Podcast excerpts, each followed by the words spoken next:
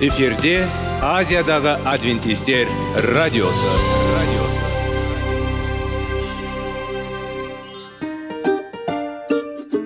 Сәлем достар. Денсаулық өмір бұлағы және біздің бірінші байлығымыз демекші денсаулық сағаты рубрикасына қош келдіңіздер. Біздің рубрикада біз әртүрлі факторларменен мәліметтерменен кеңестерменен бөлісіп шын жүректен сіздердің дендеріңіз сау болғанын қалаймыз. Сол үшін біздің рубрикаға қош келдіңіздер. Дайындалып тұрыңыздар. Өйткені келесі минуттарда қызықты фактілерге ие боласыздар. Енді достар ең бірінші байлығымызды қолымызға алып алға кеттік.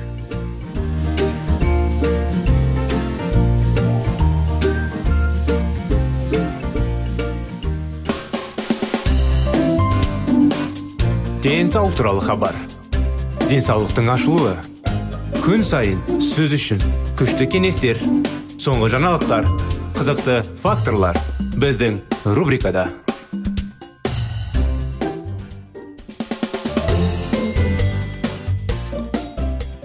армысыздар құрметті тыңдаушыларымыз сәлеметсіздер ме достар? Денсаулық сағат бағдарламамызға қош келдіңіздер. Қытай зерттеулері тақырыбын біз сіздермен бірге ары қарай жалғастырамыз. Жалпы аутоиммундық аурулар туралы бірдене айта аламыз ба? Бұл сұраққа жауап беру үшін олардың қаншалықты ортақ екенін анықтау керек.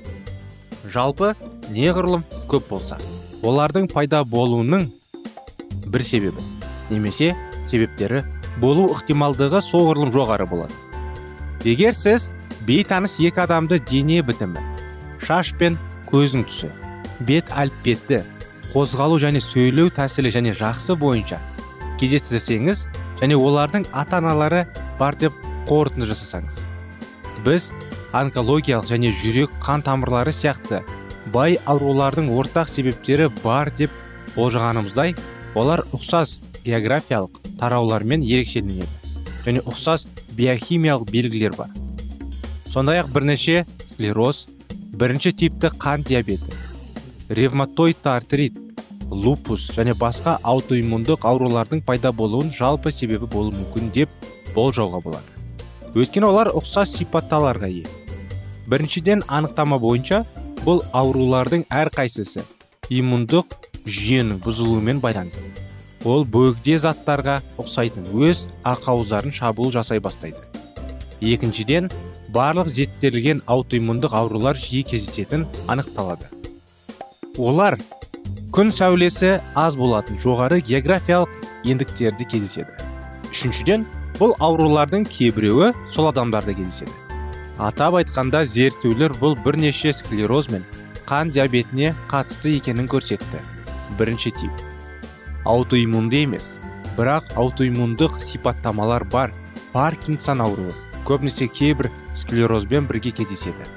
Сол географиялық аймақтар және сол адамдарда. Бірнеше склероз географиялық жағынан да сол адамдарда да кездеседі. Лупус. Ауыр миастения графисі. Базидова ауру сияқты басқа аутоиммунды аурулармен байланысты.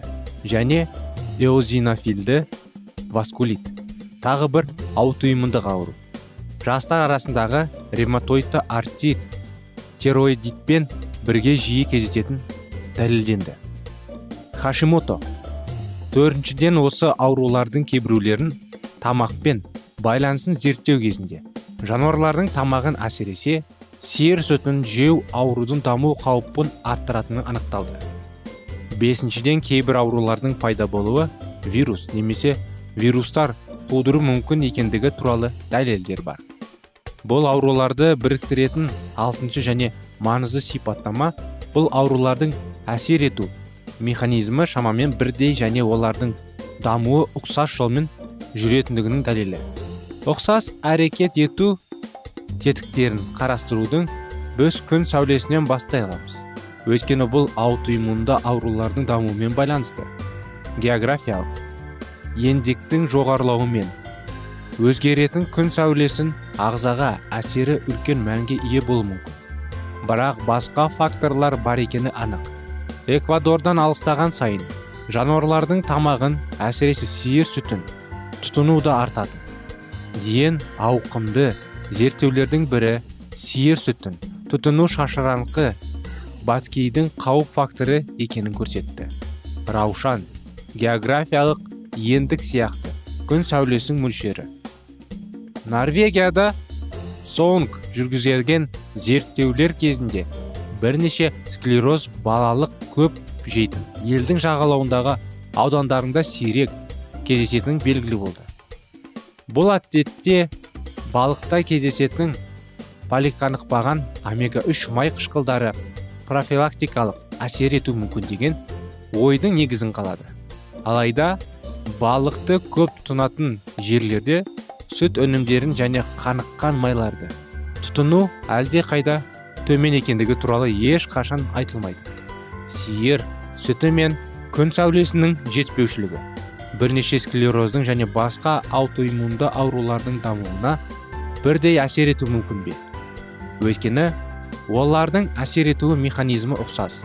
Олай болса бұл өте қызықты көрсетіледі жоғарылайды айтылған ой онша ондай бір маңызды емес сияқты ма? Күшті ма? Бұл механизмнің әрекеті д дәруменіне де негізделген. Тәжірибелік жануарлардың көмегімен лупус бірнеше склероз ревматоид артрит және ішектің қабыну аурулары мысалы крон ауыры айық жарлы колит жасалды. Бұл аурулардың барлығы аутоиммунды әр жағдайда бірдей механизм арқылы әрекет ететін. Д дәрумені эксперименттер кезінде жоғарыда аталған аурулардың дамуына жол бермеді. Ол тіпті егер тамақтанудың д дәруменіне әсерін қарастырсақ қызықты болады. Бірінші кезең қалыптастыру процесін д витаминіне ағзаға жүреді. Сіз шығыңыз біраз серуендеңіз күнді күнде. Содан кейін сол бүйректе белсенділігі керек. Ал оның формасы аутоиммунды аурулардың дамуын тежеуге көмектеседі.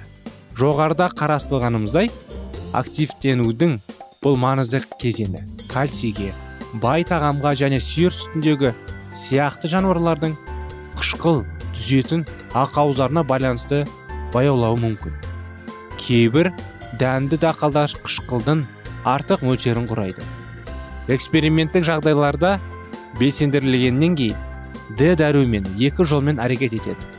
Белгілі бір т жасушаларының дамуына және олардың аутоиммунды реакцияларды бастайтын белсенді заттардың цитокиндер деп аталатын пайда болуына жол бермейді. Және немесе мұндай әсерге кедергі келтіретін басқа т жасушаларының өндірісін ынталандырады. Осындай анықтама достар қытай зерттеулер тақырыбында бағдарламамыз аяғына келді. Жалғасын келесі бағдарламада жалғастырамыз. Келесі жолға дейін сау болыңыздар.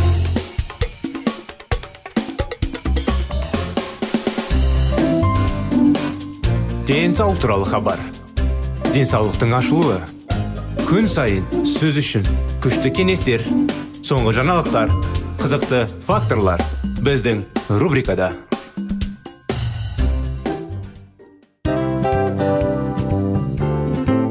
Әуелі байлық денсаулық екінші байлық он саулық үшінші байлық ақ жаулық. Ал енді осындай радио парақшадан кейін не дейміз? Барлықтарыңызға денсаулықтарыңыз зор болсын деп тілейміз. Денсаулықтың өзгеруі кішкентай нәрселерден басталады. Осымен біз берген кеңестер мен мәліметтер шын жүректен сіздер үшін қандай да бір болсын жәрдем берді деп үміттенеміз. Тыңдаушыларымызбен келесі радио парақшасына дейін қоштассамыз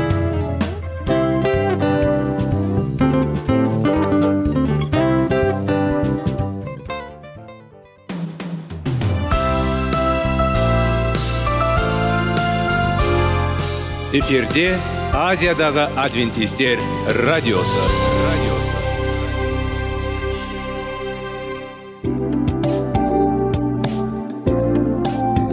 Сәлем достар.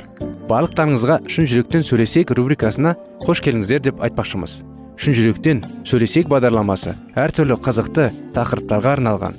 Шындығында шын жүректен сөйлесейік деген сөздің мағынасы екі достың екі адамның ортасындағы шын жүрекпен сөйлесуі бір біріне сенуі ашықтық пен шындықты білдіреді. Сол үшін біздің бағдарламалар әртүрлі қызықты тақырыптарға арналған.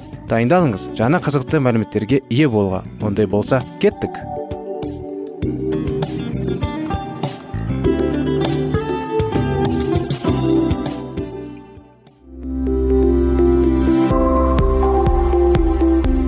алтын сөздер. Сырласу. Қарым қатынас жайлы кеңестер мен қызықты тақырыптар. Шын жүректен сөйлесейік рубрикасында.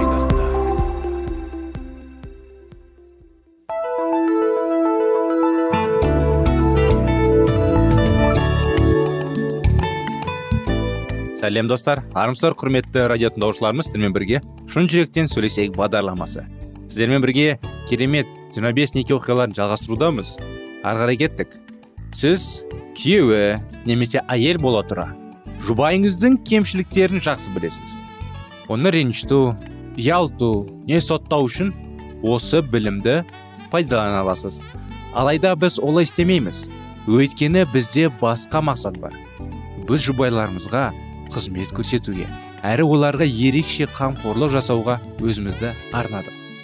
Біздің сөйлеген сөздеріміз жұбайларымызды исаға ұқсас болуға көмектеседі.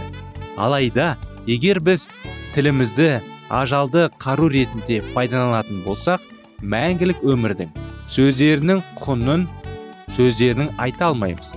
Егер біз жақсы отбасы құрғымыз келетін болса онда біз жұбайымыздың жаман жүріс тұрысын тоқтатуымыз керек. Бірақ біз соны тек қолайлы уақытта және ыңғайлы орында істеуіміз керек. Сіз жұбайыңызбен ұрысқанда оған кемшіліктері туралы айтқанда тиімсіз әрі пайдасыз болатындығын байқадыңыз ба? Керісінше кекесіңді ескертулер жайындағы нашарлатып жүректерді жарналап дұрыс кірістер одан бетер өршітеді. Егер сіз сөйлесу керек деп сезінетін болсаңыз жұбайыңыздың тынышталған сәттін күтіңіз. Егер жағдай жаман болып кете берсе жұбайыңызбен кездесу туралы келісіп онымен бір жерде оңаша сөйлесіңіз. Құдайдың маған әйелімді сөйлегені есімде анық қалған. Әйелім егер адам сенің айтқаныңды естуді қаласаң онда өзін соны қалай естігін келсе солай айт. Бізде қай уақытта естігің келсе сол уақытта айту керек деп соған қосып айтқымыз келеді.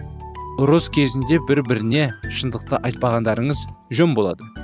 Жұбайыңыз тынышталып көңіл күй сергек болса сөгіс қабылдау дайын болған мүмкіндік бергеніңіз дұрыс болады. Бір біріңізді кешіріп құшақтап таңертең сұхбатыңызды жалғастырыңыз. Сезімтал шындықты сүйіспеншілікке айту қажет. Адам өз кемшілдіктерін немесе жасаған қателерін көрсетілгенін ұнатпайды. Алайда егер ол өзгергіске келетін болса сөгіс бергенін үйреніп соған рухани өсуге мүмкіндік ретінде пайдаланады. Ақыл кеңес берер алдында өз ниеттеріңізді тексеріңіз өзіңе сұрақ қойыңыз. Мен мұны сүйіспеншіліктен әлде өзіме пайда келтіру үшін ғана айтып отырмын ба? Жолдасының амандығының қамын ойламай ойламаймын ба немесе кек алуға амалды іздеймін бе?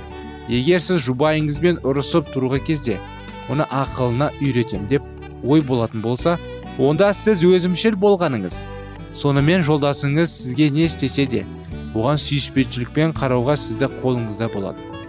Адам ашуланғанда шындықты айту қиын болады. Егер сіз өз аузыңызға ие бола аласыңыз онда екі нәтижесі шығады екен. Сіз өзіңізді дұрыс емес екендігін түсінесіз немесе тынышталып жұбайыңызға есту керектігін бәрін жай айта аласыз. Біз ағзаны реніштердің болғанын назар аудармай соларды құдайға тапсыру керектігін білеміз. Алайда жүректі жаралайтын реніштер бар екендігін түсінеміз де. Егер жолдасыңыз сіздің қатты ренжітетін берсе ұнамсыз істер жасай бересе онда осы жағдайда сөйлескіңіз дұрыс болады. Алайда сізге жауап қайтару керек болса сізді оны ренжітуге құқық болмайды. Шындықта мына жолдармен айтуға болады. Ниеттерді құдайдың сөзімен тексеру. Дауды шешкенде жұбай емес пайда болған мәселеге көбірек назар аудару. Өз аузына ие болу және жанды жаралайтын сөздерді айтпау. Мейірімді болу адал болу үздіксіз үміттендіру өзіңізге жұбайыңыз қалай сөйлегін қаласаңыз онымен солай да сөйлесу. Дауды шешуге көмектесетін дұрыс сөздер пайдалану дұрыс уақыт тауып алу және дұрыс жерде кездесу. Пайғамбар былай дейді кей кітапта темір темірді қайрады адам адамды қайрады арамызда келіспеушілік пен түсінбеушілік болатын сөзсіз дегенмен егер соларды дұрыс шешетін болсақ біз рухани кемділікке жетіп өсеміз бірлікке қауіп төндіретін некенің мәселелерін тез шешу керек кішкентай реніштің жаралған жүрегімізді жөнде түрде едемдесек олар терең жараларына айналып кетуі мүмкін көбінесе ерлі зайыптылар бір бірінің жүректерін қалай қатты жаралайтынын түсінбейді екен егер біз құдайды сүйе тұра бір бірімізден уайымдарымыз жайында ашық сөйлесетін болсақ онда бірлік пен татуалық арта түсіп бір тұтастық есе береді. Сүйіспеншіліктің тілі. Сонымен біз азды көпті сөйлеген сөздеріміз және де соларды қалай айтатынымыз жайында талқылап алдық. Ал енді біз тілдің басқа аспекті жайында сөйлесіп талқылайық. Біз төртінші жаңағы тарауда егер жұбайлар бір бірінің мүдделеріне қарап қызмет ететін болса онда олардың некесі мықты болады деп жаздық дәл осындай әр адам сүйіспеншілікті әр түрлі жолмен көрсетеді және соны әр түрлі жолмен қабылдайды. Сүйіспеншіліктің әртүрлі диалекттерін түсіну үшін бізді қарым қатынасымызды арттыруға көмектесетін махаббаттың бес тілі андай кітабында бар. Соны оқуға ұсынамыз. Бір күндерді сіздермен сол кітапты оқуға тырысамыз онда да керемет неке жайында керемет қарым қатынас жайлы кеңестер бар. Сіздермен баланың жүрегіне бес қадам жайлы кітап оқыған едік. Сол сияқты бес махаббаттың жаңағы бес тілі жайлы анықтамалар. Өте керемет. Егер де мүмкіншіліктеріңіз болса кітапты алып оқыңыздар. Мүмкіншіліктеріңіз жоқ болса бір күні сол кітапты енді әрине аудару керек. Ол басқа тілде. Соны аударып сіздермен бірге соны оқуға тырысамыз. Одан кеңес ал. Өте керемет кітап. Мен оны бір рет оқыдым. Тағы бір оқығым келіп жүр сол кітапты. Қарым қатынаста жанұяда өте жаңағы бір біріңізді тілдеріңізді түсінуге көмектесетін ішінде керемет материалдар бар. Осымен бағдарламамыз аяғына келді құрметті достар. Сіздермен болғанымызға қуаныштымыз. Сіздерді келесі бағдарламада күтіп келесі жолға дейін сау болыңыздар дейміз.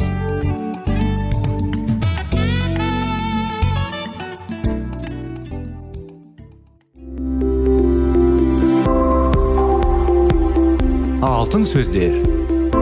Сырласу. Қарым қатынас жайлы кеңестер мен қызықты тақырыптар.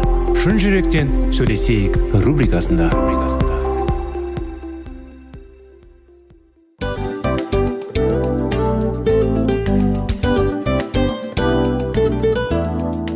Құрметті достар барлық ең соңғы кеңестер аяқталған соң біздің программамыз соңына келіп қалды. Осы біздің мәліметтер осы рубрикада айтылған әрбір сөздер сіздерге өзінің қандай да бір пайдасын алып келді деп шын жүректен сенеміз. Және бұдан да көптеген рубрикаларымыз бар. Басқа рубрикаларымызда біздің зерттеулерімізде сіздер үшін тағы да қызықты мәліметтер дайын. Біздің шын жүректен сөйлесейік парақшамызда көптеген әдістер ең соңғы кеңестер адамның нравственность жақтан моральдық жақтан тазалап байыта тұрған соңғы кеңестердің барлығын жанарады. Сондықтан алдыңғы күндерде бізбен бірге болыңыздар. Өйткені барлық қызықтар алдыда. Бізбенен бірге болғандарыңызға үлкен рахмет. Келесі кездескенімізше сау сәлемет болыңыздар.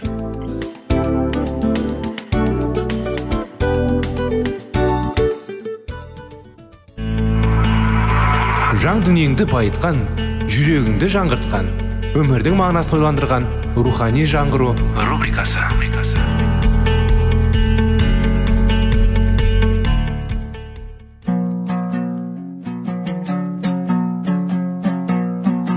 Ассалаумағалейкум біздің тыңдаушыларымыз.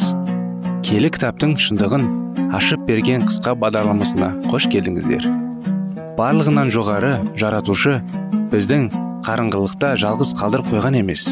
Өйткені ол келешекте не болу керек екенін киелі кітаптың парақтарында ашып береді. Немесе келіңіздер бізге қосылыңыздар. Жаратушы бізге нен ашып бергенін зерттейміз. Қарапайымдар өмірлерінің соңына дейін қамауда отыруға тиісті болды. Папалық биелік өзінің шығарған қалауларын биікте түсу үшін неше түрлі таңғажайып әңгімелер таратуды әдетке айналдық бір екінші жексенбі күні жер жыртып жүрген кезінде жерді тазалап жүрген темір қаттамасы қолына кіріп кетіп оны шығара алмай екі жыл бойы бейнет көріп масқара болған екен. Папалықтар ойдан шығарылған әңгімелермен жұртты үйрелендіріп өз дегендерін істеппек болған. Кейін папа дін қызметкерлеріне жексенбі күннің бұзушыларға шіркеуге келіп мінәжат етпесеңдер өз бастарына және жақындарының бастарына пәле тілеп аласыңдар деп оларды үйрендіретін қорқынышты уағыздар айтыңдар деген тапсырма берді. Шіркеу жексенбі күннің пайдасынан кейін протестанттар арасында да кен тараған айғақтар ұсынды. Олар жексенбі күні жұмыс істеген адамдарды найзағай соғатын болғандықтан ол күн сенбі болып саналды деп қорытындылады. Әрине құдай оның күніне теріс қарағандарды жақтырпайды деп жариялады прелаттар келе жатқан игілік үшін жексенбі күннің құрметтелуі бәрінен талап етілді.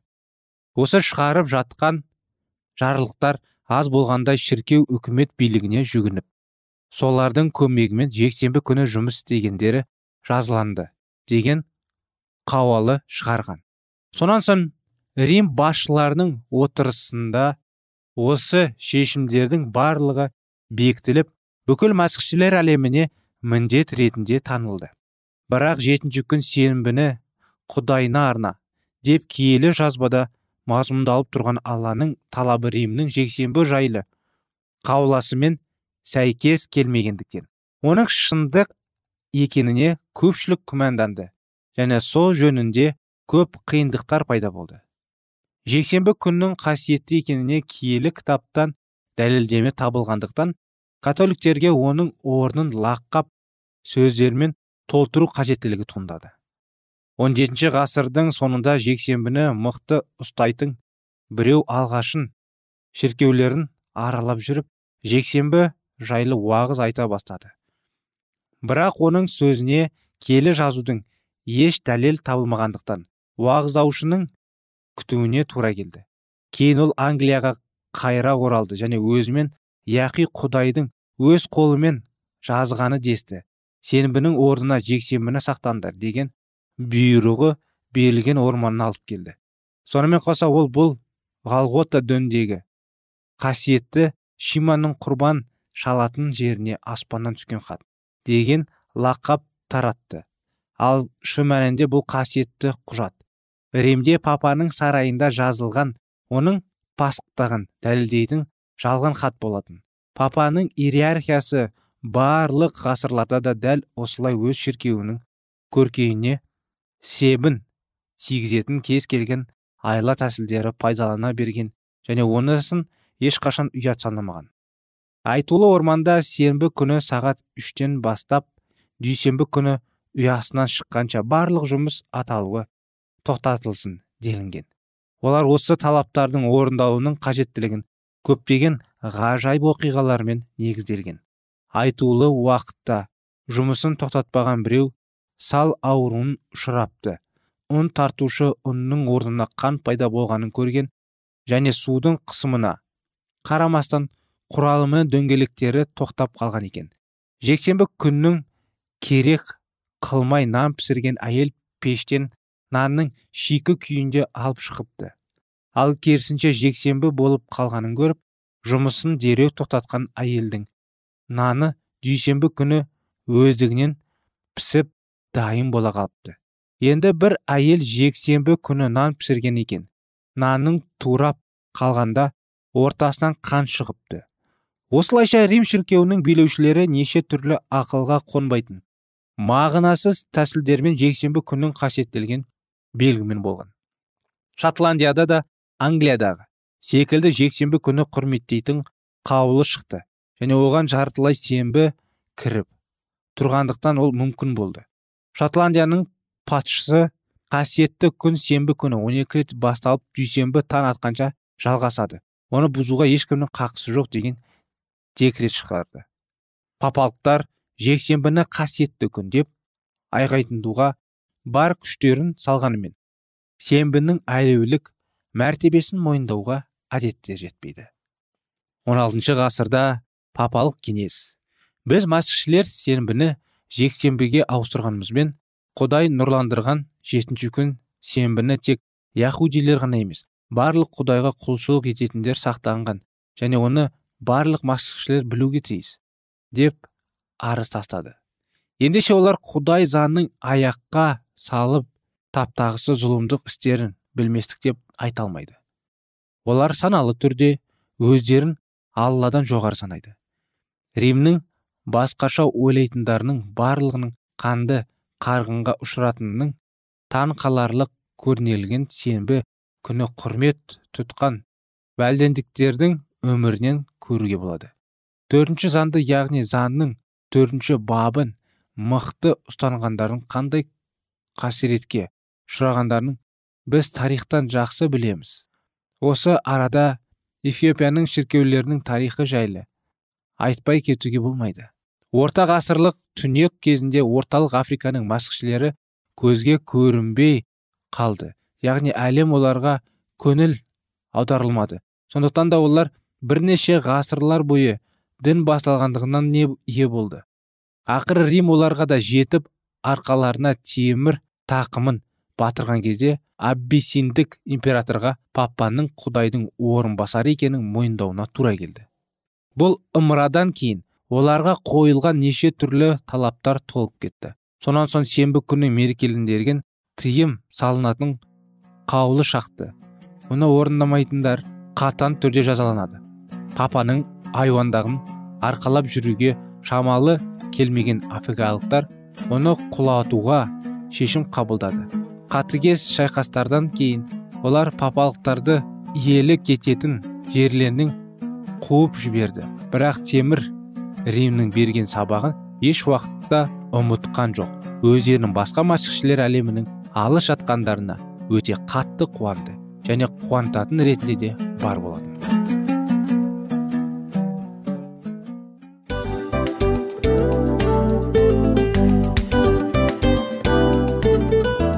Мынау осы уақыт тез өтіп кетеді екен. Біздің бүгінгі рубрикалардың аяғына да келіп жеттік. Ақпаратымызды парақшамызды қазір ғана бастаған сияқты едік. Соңында да келіп қалдық.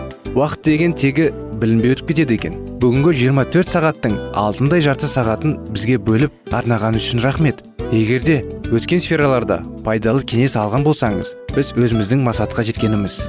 Кеңестерді қолданам десеңіз өзгерістерді кішкентай қадамдардан бастап іске асыра беріңіздер де жасағандарыңыз үлкен үлкен жетістіктерге жете берсін. Шын жүректен әрбір берілген кеңестер сөздер сіздерге пайдасын әкеледі деп сенеміз. Сіздермен бірге кездесулерімізді сөзсіз түрде асыға күтеміз. Сәтті күн тілеп сіздер менің ұзаққа қоштаспай келесі кездескенімше тек қана сау саламатты болыңыздар дейміз. Достар біздің бағдарлама бойынша сұрақтарыңыз болса әрине сіздерге керекті анықтама керек болса біздің whatsapp нөмірімізге хабарлассаңыздар болады. Плюс бір үш жүз бір жеті жүз алпыс алпыс жетпіс. Иә достар сіздер қателеспедіңіздер бұл біздің номерлерге ұқсас болмаса да бұл whatsapp номер арнайы. Хабарласыңыздар сұрақтарыңызды қойып тұрыңыздар. Анықтаманы алып тұрыңыздар. Плюс бір үш жүз бір жеті жүз алпыс алпыс жетпіс whatsapp номері